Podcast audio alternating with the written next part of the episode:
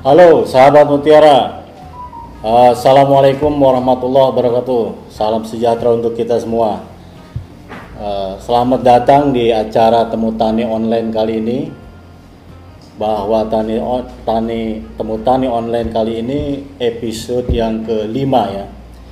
Yang terakhir kemarin dengan membahas padi dan sekarang saya bersama dengan sang maestro ini, sang maestro. Selamat sore Pak Panut. Selamat sore Pak Ermain. Sehat Pak? Alhamdulillah Pak Ermain sehat. Sehat Pak, alhamdulillah. Jadi kali ini saya dengan tidak asing lagi ya kalau di dunia pestisida ini. Pak Panut Joyo Sumarto ini luar biasa ini. Saya sering baca tulisan-tulisan Bapak Pak, ya. Terima kasih. baik di media sosial dan lain-lain. Jadi Pak Panut ini adalah saya panggilnya Pak Panut aja Pak ya? Boleh, Atau boleh. ada Mau- panggilan mau Pak, mau Mbah, mau apa boleh. Oke. Lebih mungkin lebih pas Mbah aja Pak ya? Iya boleh. Karena- boleh. Panutan buat kita semua ini. Amin. Oke. Eh, Mbah Panut ini adalah mendedikasikan ini karirnya di dunia pestisida itu hampir setengah abad ya Pak ya? Dua tahun lagi. setengah dua, abad. dua tahun lagi setengah abad ini. Jadi memang malang melintang di dunia pestisida ya. Jadi nanti kita akan kupas habis ini bagaimana eh, peranan pestisida dalam dunia pertanian. Dan juga beliau ini ada beberapa buku ya yang di yang dikarang oleh beliau yaitu salah satunya teknik aplikasi pestisida pertanian yaitu tahun 2000 pestisida dan aplikasinya 2008 serangga dan insektisida itu 2017 dan beliau juga sebagai penulis tetap di salah satu majalah majalah pertanian Pak ya. Nah ini karya-karya beliau ini memang ya menjadi acuan buat eh, kita sebagai praktisi pertanian Pak khususnya dalam pengelolaan hama dan penyakit. Gini Pak Panut jadi dalam dunia pertanian ini kadang-kadang saya menggelitik agak sedikit menggelitik Pak. Ada beberapa sahabat mutiara atau petani itu kalau lihat tanaman bagus itu yang pertama terbersit dalam pikiran eh, petani ini obatnya apa? Nah iya, ini. iya, iya, padahal pestisida sudah jelas namanya pestisida itu racun Pak ya? Bukan obat itu racun bagi eh, bagi bagi hama dan manusia atau hewan. Jadi ada dalam dunia pertanian itu ada budidaya pertanian ya Pak ya. Ada beberapa masalah. Yang salah satunya adalah masalah hama dan penyakit Pak. Nah ini. Saya ingin ingin mendengar penjelasan dari Mbah Panut ini bagaimana masalah-masalah yang ditimbulkan eh, di pertanian dengan pestisida ini Pak. Monggo Mbah. Eh, jadi begini Pak Ermain ya terima kasih saya sudah diundang untuk apa namanya talk show ini. Jadi sepanjang masa saya berkecimpung di dunia pertanian sampai sekarang, saya melihat ada empat hal yang sering masih harus diluruskan Pak, Ya. di kalangan para petani tentunya. Yang pertama adalah para petani kadang-kadang masih mencampur adukan antara fungsi pestisida sebagai pengendali hama dan fungsi pupuk sebagai penyubur tanaman. Sering orang bertanya kepada saya, Pak, supaya tanaman hijau obatnya apa? Ya obatnya dipupuk, bukan diobati. Kemudian yang kedua adalah eh, petani sering tidak menyadari bahwa agar suatu pestisida itu bisa mengendalikan hama ada beberapa faktor yang mempengaruhinya. Ini nanti akan kita bicarakan sedikit sudah ini Pak ya. Oke. Kemudian yang ketiga yang saya sangat prihatin sekali adalah masalah pencampuran pestisida. Ini merupakan pertanyaan yang paling sering saya terima. Pak, ini boleh dicampur dengan itu enggak? Ini boleh dicampur dengan itu enggak? Kalau sudah musik saya jawab boleh. Kemudian yang keempat adalah hal yang sangat juga memprihatinkan bahwa para petani sering masih mengabaikan aspek keselamatan untuk diri mereka masing-masing. Menyemprot tanpa menggunakan sarung tangan, tanpa masker dan sebagainya. Ini tentunya harus kita luruskan di masa depan. Jadi mengenai faktor-faktor yang mempengaruhi efikasi pestisida itu saya melihatnya begini Pak. Jadi kalau kita mempunyai apa namanya OPT misalnya organisme pengganggu tanaman, kemudian kita mempunyai pestisida itu gambarnya yang di sana jangan dia anu Pak ya biar aja. nah pestisida ini tidak akan bisa mengendalikan hama atau penyakit kalau tidak diaplikasikan. Oke. Nah inilah yang apa namanya satu skill yang harus kita kuasai teknik aplikasi pestisida. Nah, teknik aplikasi pestisida itu sebetulnya hanya membicarakan tiga hal.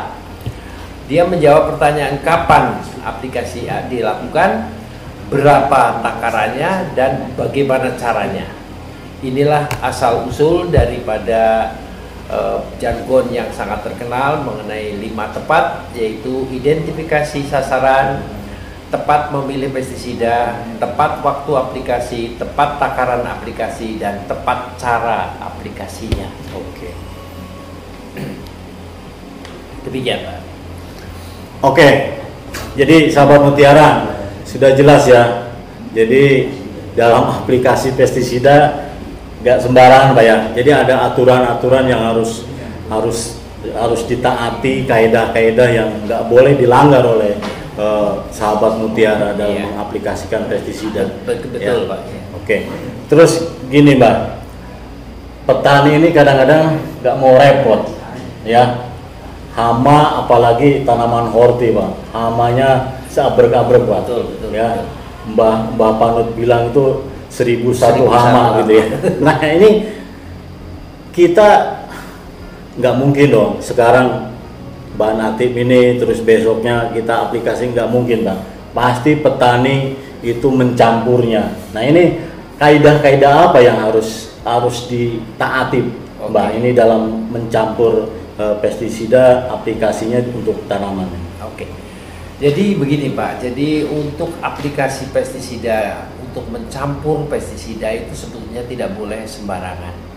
Jadi ada beberapa hal yang harus kita perhatikan yang pertama saya ingin membedakan dulu antara dua macam campuran. Oke. Okay. Yang pertama adalah yang disebut dengan tank mix. Itu adalah campuran yang dilakukan sendiri oleh petani sebelum dia melakukan penyemprotan. Oke. Okay. Ini campur ini diudek terus disemprotkan. Yang kedua adalah campuran yang dibuat oleh pabrik atau formulator. Ini adalah ready mix atau formulasi campuran. Oke. Okay. Jadi Pertama kali saya menyarankan kalau ingin daripada mencampur, kalau ingin menggunakan dua bahan aktif atau tiga, lebih baik cari pakai yang sudah ready made daripada pencampur sendiri. Karena yang ready made tentu sudah dites oleh perusahaan, sudah diuji oleh komisi pestisida bahwa campuran itu baik. Oke, aman gitu ya. Aman. Nah, kemudian untuk mencampur sendiri, jadi ada beberapa pertimbangan yang harus dipikirkan. Oke. Okay. Yang pertama adalah apa sih tujuan dari mencampur itu? Ada empat macam tujuannya. Yang pertama adalah menghemat waktu. Oke. Okay. Jadi misalnya saja apa namanya tanaman kita diserang oleh penyakit dan oleh hama dalam pada waktu yang bersamaan. Tentunya nggak lucu kan saat hari ini kita nyemprot penyakit, sore nanti nyemprot hama. Oke. Okay. Insektisida dan fungisida boleh dicampur. Okay. Tentunya yang cocok.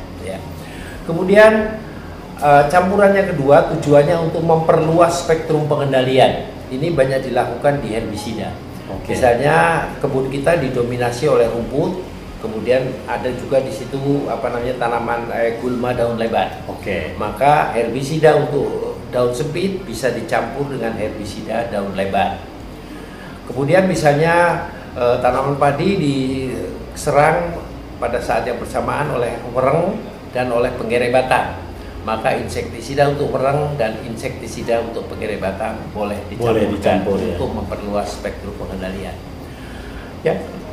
Yang ketiga, ini agak sulit, itu adalah campuran untuk meningkatkan daya bunuh pestisida. Oke. Sering orang bertanya, bagaimana sih Pak resepnya? Saya bilang nggak ada resep. Kita harus tes masing-masing satu persatu. Ya. Kemudian yang keempat adalah uh, campuran untuk menunda atau memecah kekebalan organisme pengganggu tanaman terhadap pestisida. Oke. Jadi juga ada aturannya sendiri. Itu tadi adalah uh, apa namanya pertimbangan untuk pencampuran. Nah sesudah kita bisa memilih misalnya bahwa pro, uh, bahan aktif ini dan ini boleh dicampur, itu kita masih harus melakukan uji katakanlah uh, uji fisik. Apakah formulasi yang mengandung bahan aktif tersebut boleh dicampur? Dua bahan aktif atau dua formulasi boleh dicampur kalau asalkan campuran itu yang pertama tidak menggumpal kadang-kadang ada dua cam apa namanya dua produk dicampur kemudian jadi seperti ongol-ongol Oke. jadi ya menggumpal Ada menggumpal Pak, ya itu nggak boleh kemudian ada lagi dua campuran dicampur kemudian mengendap Oke. itu juga jangan diteruskan karena kalau diteruskan yang kita semprotkan mungkin hanya airnya karena produknya sudah mengendap di belakang Oke, oke. kecuali kita bisa menyemprot sambil mengaduk Kemudian yang ketiga adalah campuran boleh di eh, bahan aktif boleh atau formulasi boleh dicampur kalau tidak mengambang. Oke. Kadang-kadang ada yang dicampur kemudian memisah mengambang. Oke, Jangan oke. diteruskan. Yang keempat suhu tidak naik dan warna tidak berubah. Karena kalau suhu naik atau warna berubah itu adalah tanda bahwa terjadi reaksi kimia antara produk-produk yang dicampur. Oke. Saya ambilkan contoh seperti yang kita lihat ini, misalnya saja ini yang menimbulkan sinergi insektisida, piperonil, butoksida dicampur dengan piretroid itu Oke. untuk meningkatkan daya bunuh piretroid. Kemudian abamectin dicampur dengan profenofos untuk meningkatkan daya bunuh profenofos terhadap Spodoptera Oke. dan sebagainya. Ada banyak. Kemudian contoh yang selanjutnya adalah untuk fungisida. Jadi misalnya saja penyakit belas uh, ada fungisida trisiklasol ini adalah spesialis untuk mengendalikan penyakit belas pada tanaman padi. Oke. Tetapi tri- trisiklasol kalau diaplikasikan sendiri kurang begitu kuat, makanya diperkuat dengan asoksistrobin supaya dia lebih kuat lagi dalam mengendalikan penyakit belas. Oke. Oke. Demikian juga propiconazol dengan trisiklasol, pemaksa- pamoxadon dan oxytianiproplin dan sebagainya. Oke, kita terus. Nah, kemudian campuran yang digunakan atau yang dimaksudkan untuk mencegah terjadinya resistensi. Hmm. Itu kita petani harus memperhatikan bahwa mulai saat ini ke depan bahwa di setiap apa namanya kemasan pestisida akan diberikan kode grup Oke. Kode-kode itu adalah kode cara kerja masing-masing pestisida. Intinya untuk memecahkan eh, resistensi atau menunda terjadinya resistensi, kita tidak boleh mencampur dua bahan aktif yang kode grupnya sama. Oke. Harus berbeda. Contohnya seperti ini. Hmm. Jadi eh, apa namanya? Insektisida misalnya abamectin grup 6 dicampur dengan chlorpyrifos atau triasofos atau profenofos dari grup 1. Oke. Boleh. Abamectin dari grup 6 dicampur dengan chlorfenapir dari grup 13 boleh dan seterusnya. Oke. Kemudian untuk fungisida misalnya mancozeb dari grup M3 dicampur dengan simoxanil boleh. Oke. Chlorothalonil dari grup M5 dicampur dengan mandipropamid boleh. Jadi ini, yang ini terutama untuk me- apa namanya me- menunda terjadinya resistensi Phytophthora pada tanaman kentang misalnya. Oke. Ya. Oke. Oke, ya, itulah kira-kira eh, mengenai campuran. Kemudian kita masih harus lagi memper- memperhatikan bahwa ada pantangan istilahnya. Pantangan Pak. Iya. Itu memang nggak boleh gitu Nggak ya. boleh. Jadi ini yang nggak boleh dicampur. Oke. Kalau saya ditanya Pak, kenapa tidak boleh dicampur? Ya sederhananya dari sononya. Jadi eh, di dalam satu apa namanya kitab kitab mengenai eh, produk itu kitab mengenai bahan aktif biasanya Ya. sudah dituliskan bahan aktif itu boleh dicampur apa tidak. Oke. Jadi misalnya abamectin itu pantang dicampur dengan fungisida kaptan.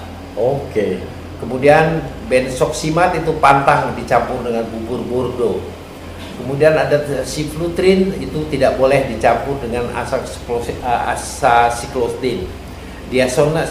Diazoxynon tidak boleh dicampur dengan senyawa tembaga dan sebagainya. Oke. Itu memang dari sononya nggak boleh. Nggak boleh Pak ya? Masih ada satu lagi pantangan bahwa ada beberapa bahan yang tidak boleh dicampur dengan bahan alkali. Hmm. Jadi seperti itu ada deretan itu itu belum selesai Pak masih panjang.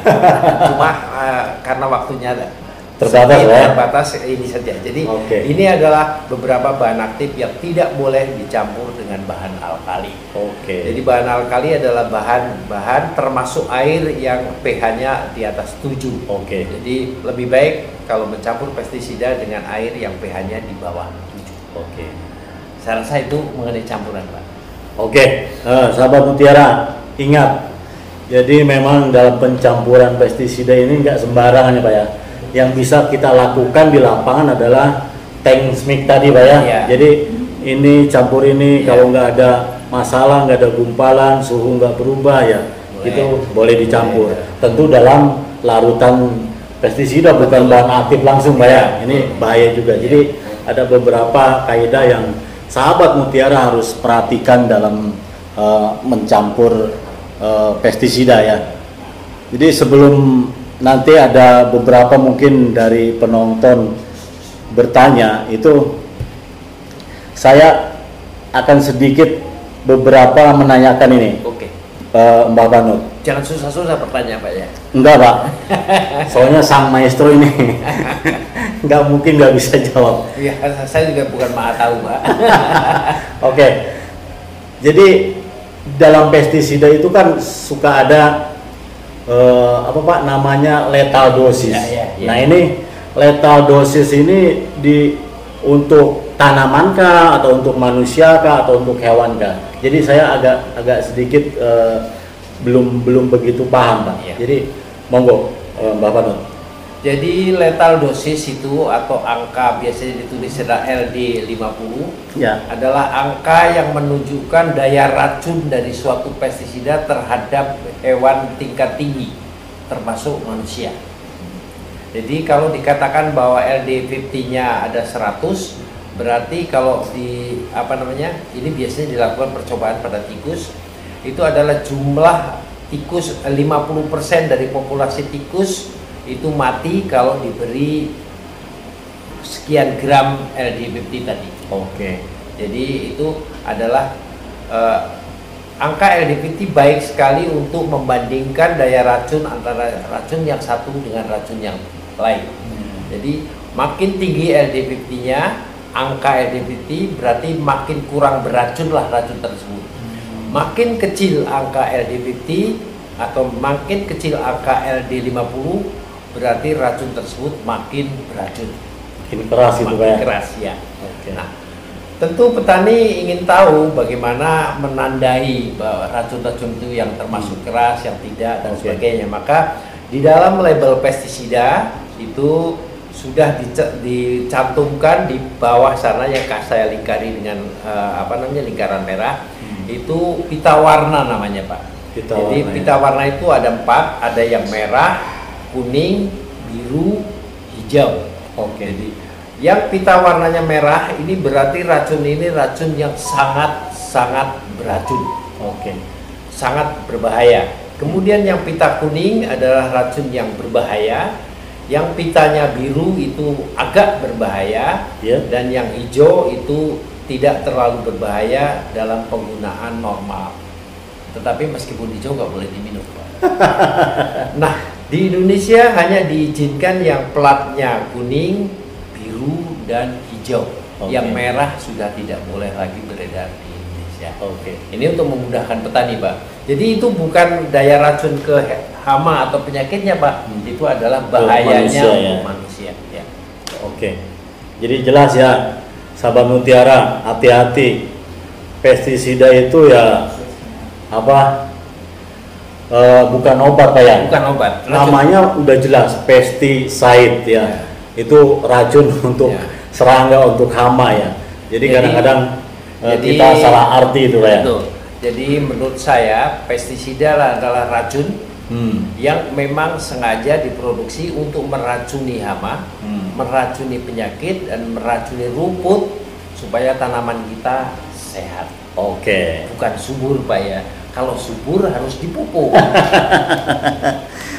Oke, sahabat mutiara ya, ingat bahwa pestisida itu kalau saya analogikan Mbak Panut itu seperti satpam ya. Ya, ya. Jadi supaya kehilangan produksi gara-gara gangguan dari OPT itu bisa dicegah, Cegah. yaitu dengan mengaplikasikan beberapa pestisida.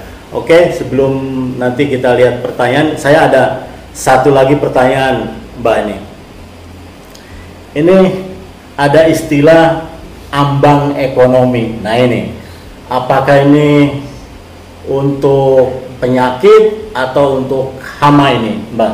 Monggo, Mbak. Eh, konsep ambang ekonomi itu atau yang lebih mudah sebetulnya bukan ambang ekonomi tapi ambang pengendalian Oke, itu adalah satu ambang atau satu level di mana di atas ambang tersebut hama harus kita kendalikan. oke, Jadi misalnya saja kalau tanaman kubis yang saya ingat, kalau uh, uh, di antara 10 tanaman kubis ada lima yang kena putela, penyemprotan harus sudah kita lakukan. Hmm. Tapi kalau di antara 10 tanaman kubis baru empat yang kena putela, belum perlu di oke, aplikasi. Itu teorinya begitu. Untuk hama it's okay. oke, Jadi untuk hama ada ambang ambang pengendalian masih boleh di eh, masih baik untuk dilakukan karena itu adalah prinsip dari pengendalian hama terpadu. oke, Tetapi untuk eh, penyakit saya cenderung bahwa penyakit harus dikendalikan secara preventif. oke. Karena kalau kita menunggu ada penyakit sering sudah agak susah. Nggak nggak kelihatan gejalanya ya? Iya, oke.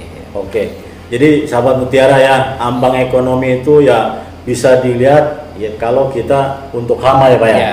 untuk penyakit ya nggak bisa karena kadang-kadang ya sekarang tanaman nggak ada masalah, paginya wah jadi masalah, Iya. ya itu. Oke, eh, satu lagi mbak, karena kita mungkin sering sering mencampur-campur gitu. Terus petani kan kebiasaan gini kalau udah satu ini bahan aktif ini ampuh jadi itu terus di, dipakai. Jadi disemprotkan apa pun hamanya itu terus nah ini mungkin tadi disinggung mbah bahwa itu akan terjadi resistensi nah kalau terjadi resistensi pasti itu akan terjadi ledakan hama nah ini cara memecah ledakan hama atau resistensi ini apa yang harus kita lakukan, Bang? Oke. Jadi eh, eh, resistensi itu mohon untuk diperhatikan bahwa resistensi itu sifatnya spesifik. Oke. Jadi seharusnya kita mengatakan bahwa misalnya saja tanaman jagung di Lampung sudah kebal terhadap eh, fungisida metalaksil. Oke. Karena mungkin dia kebal di Lampung, tetapi daerah lain mungkin belum. Belum tentu ya. Belum tentu. Jadi eh, resistensi itu spesifik dan resistensi itu terjadi pada tingkat populasi. Oke. Jadi yang benar kita harus mengatakan bahwa populasi ulat Spodoptera di Brebes misalnya sudah resisten terhadap insektisida A. Oke. Spesifik berarti ya. Spesifik. Jadi kalau dia resisten ke A, dia belum tentu resisten terhadap B, Oke, oke. belum tentu resisten terhadap C. Oke, oke.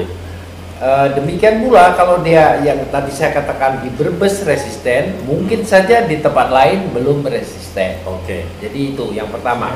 Jadi eh, resistensi terjadi karena adanya individu-individu tertentu di dalam populasi itu yang boleh dikatakan yang super, yang kuat. Nah, kalau kita semprot biasanya yang tanggung-tanggung sama yang lemah ini terkendali. Hmm. Tetapi yang super ini makin lama makin banyak, makin lama makin banyak sehingga akhirnya mendominasi populasi tersebut. Itu Oke. kita katakan bahwa oh populasi ini sudah resisten. Oke. Cara mengendalikannya adalah kita ganti dengan apa namanya eh, insektisida lain atau fungisida lain kalau penyakit Hmm. yang tidak sama cara kerjanya, bukan hanya tidak sama kelasnya, tetapi Cara kerjanya. Cara kerjanya. Jadi cara kerja adalah bagaimana apa namanya eh, bagaimana insektisida dan fungisida itu membunuh hama. Jadi Oke. eh, jadi itu bedanya. Oke. Ada cara kerja, ada mungkin akan terlalu panjang kalau kita uraikan, tapi intinya begitu. Jadi kalau suatu populasi terus menerus disemprot dengan insektisida atau fungisida yang sama, maka lama-lama dia akan terjadi resistensi. Oke, kebalan Dan- ya. Kekebalan. Jadi kalau sudah kebal kita ganti dengan pestisida lain atau kita campur dengan pestisida lain yang tidak sama cara kerjanya seperti tadi sudah saya utarakan di muka. Oke. Oke, sahabat Mutiara. Jadi ingat ya. eh, tadi sudah panjang lebar, sudah panjang lebar yang saya eh, dengan Mbah Panut. Nanti kalau sahabat Mutiara yang ingin bertanya silakan tulis di kolom komentar ya. Eh, jadi kita mungkin sesi pertama ini rehat dulu Mbak. Silakan. Ya karena sudah panjang lebar ini. Mudah-mudahan nanti eh, yang nonton itu bisa bertanya, kita akan kupas eh, bareng-bareng dengan eh, narasumber kita yaitu Mbah Panut ya. Mungkin sesi pertama kita cukup sekian, Mbah. Nanti kita sambil nunggu pertanyaan-pertanyaan dari eh, pemirsa. Oke.